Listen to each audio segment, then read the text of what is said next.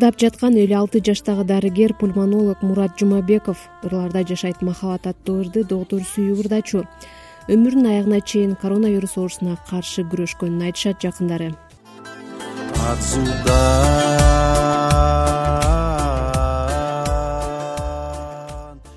мурат жумабеков бир миң тогуз жүз сексен сегизинчи жылдан бери баш каладагы бейтапканалар жана үй бүлөлүк дарыгерлер борборунда жетекчилик кызматта иштеген. Өзү амбулатордук хирургия өпкө оорулары боюнча адистешкен дарыгер эле июнь айынын аягында коронавирус диагнозу коюлуп эки өпкөсү тең пневмония болуп биринчи июлда бишкекте көз жумду. Анын жубайы айнура жумабекова азыр коронавируска кабылып дарыланып жатат. Ал маркум жолдошу айылга көчүп кетип үй салып жашайм деген кыялы ишке ашпай калганын айтат. Үч балабыз бар эки кыз бир уул эми кыялым аябай адамгерчиликтүү ак көңүл. Элдер айткан тиги айткандай мурат баскан жерден күрөзчү дегендей аябай отуз алты жыл чогуу жашадык.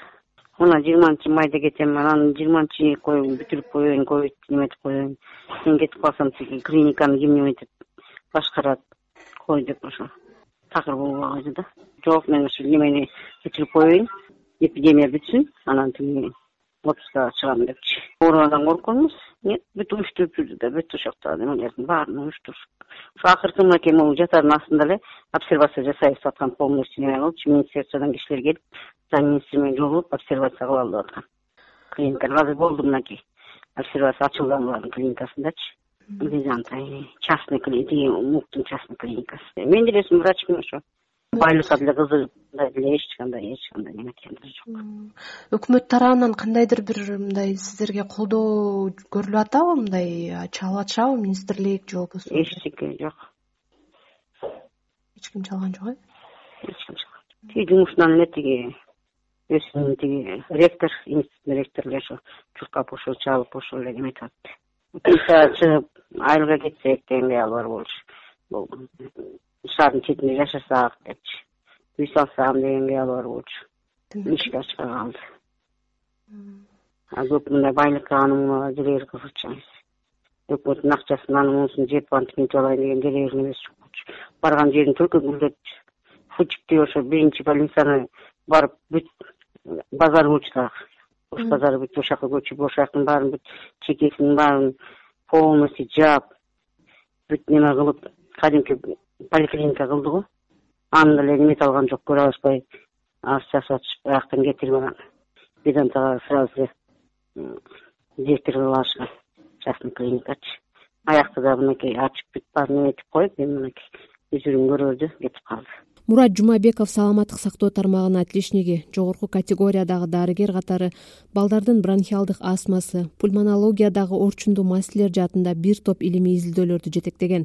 Эки миң бешинчи он жетинчи жылдары бишкек шаарындагы биринчи үй бүлөлүк дарыгерлер борборуна башкы дарыгер болуп иштеген. Кесиптеши жумакан акунова анын уюштуруучулук чеберчилигин айтып эскерет. Мурат назарович менен э, биз беш жыл иштедик мурат назарович бизге э, главный врач болуп келип э, аны менен беш жыл биз эмгектенип калдык. Конечно очень тяжело. Ушунчалык адамгерчиликтүү э, өзүнүн жумушун мыкта бул профессионал болчу да бул жумуштунчу.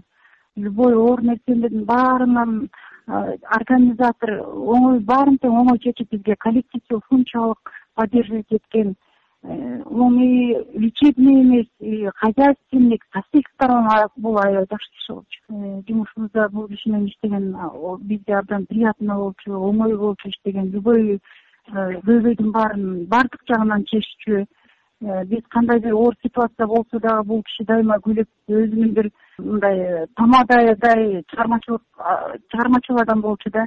Жумушта жумуштай жумуш эмес майрамда майрамдай өткөрчү пандемия башталгандан бери кыргызстанда вируска миңден ашык медициналык кызматкер кабылды алардын ичинен беш дарыгер кайтыш болду.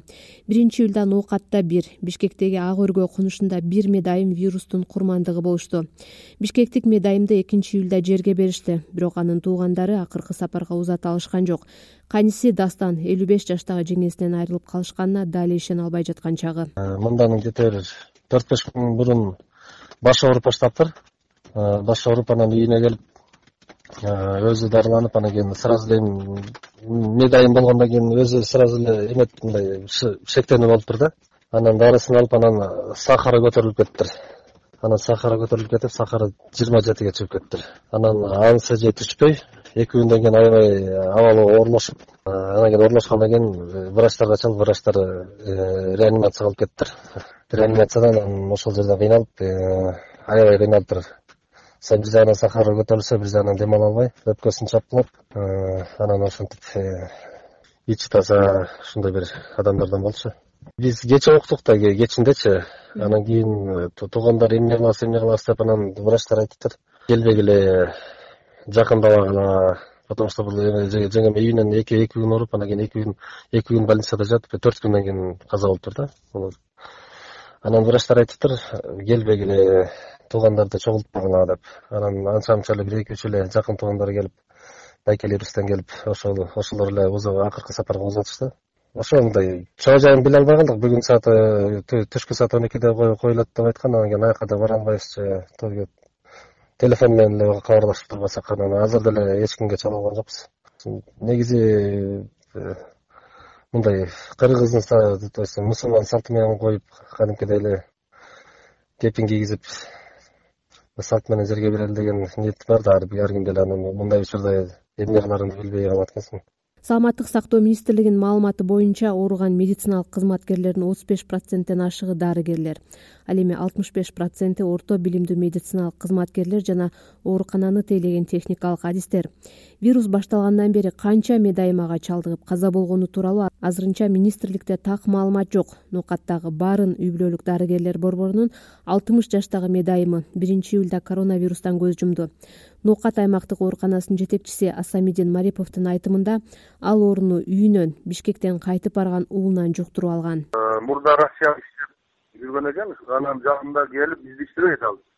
Барын деген поликлиникада баягы ооруларга бюллетень жазып берет больничный баягы ончо мынча бюллетень алгандарга ошону жазып берип отурган медсестра экен. Э, анан баласы бишкекте жашап баласы коронавирус болуп ооруп үйүнө келип эч кимге айтпай апасы экөө бир жума жашаган. Анан бир жума жашагандан кийин э, апасы да ооруп баласы экөө анан бизге больницага түшкөн баласы азыр жакшы кетип атат жакшы анан тиги аялда мындан тышкары гипертония оорусу бар экен анан ожирение третий степень экен бөйрөгү ооруйт экен. Ошонун негизинде биздин катуу күч аракетке карабай өпкөсү толук Э, баягы иштен чыгып ушул ушинтип кылдык анатан менде сүрөттөрү да бар өпкө капкара болуп баягы иштен чыгып калыптыр да коронавируста кошумча оорулары бар адамдарды көбүн алып кетет да. Ал арада баш калаа бишкекте дарыгерлер медайымдар жетишпей ыктыярчылар тартылууда. Буга чейин ооруган ар бир дарыгерге өкмөт эки жүз миң сомдон каза болуп калган доктордун үй бүлөсүнө бир миллион сом төлөнөрүн жарыялаган эле. Бул кенемтенин канчасы төлөнгөнү тууралуу азырынча так маалымат жок бирок азыр кызыл зонада вирус болгондор менен иштеп жаткандар да катардагы дарыгерлер да пандемия бүткүчө акы төлөнүп төлөнбөсө деле нөөмөттү таштап кетпестигин кайталап айтып жатышат. Ал арада экинчи июль күнү эртең менен бишкектеги улуттук госпиталдын урология бөлүмүнүн алдында катуу ооруп барып жатканга орун таппай кыйналган кыргыз орус славян университетинин профессору ардактуу дарыгер даңк медалынын ээси исхар фунлоер жетимиш тогуз жашында көз жумганы маалым болду маркумдардын жакындарына терең кайгыруу менен көңүл айтабыз. Бактыгүл чыныбаева азаттык бишкек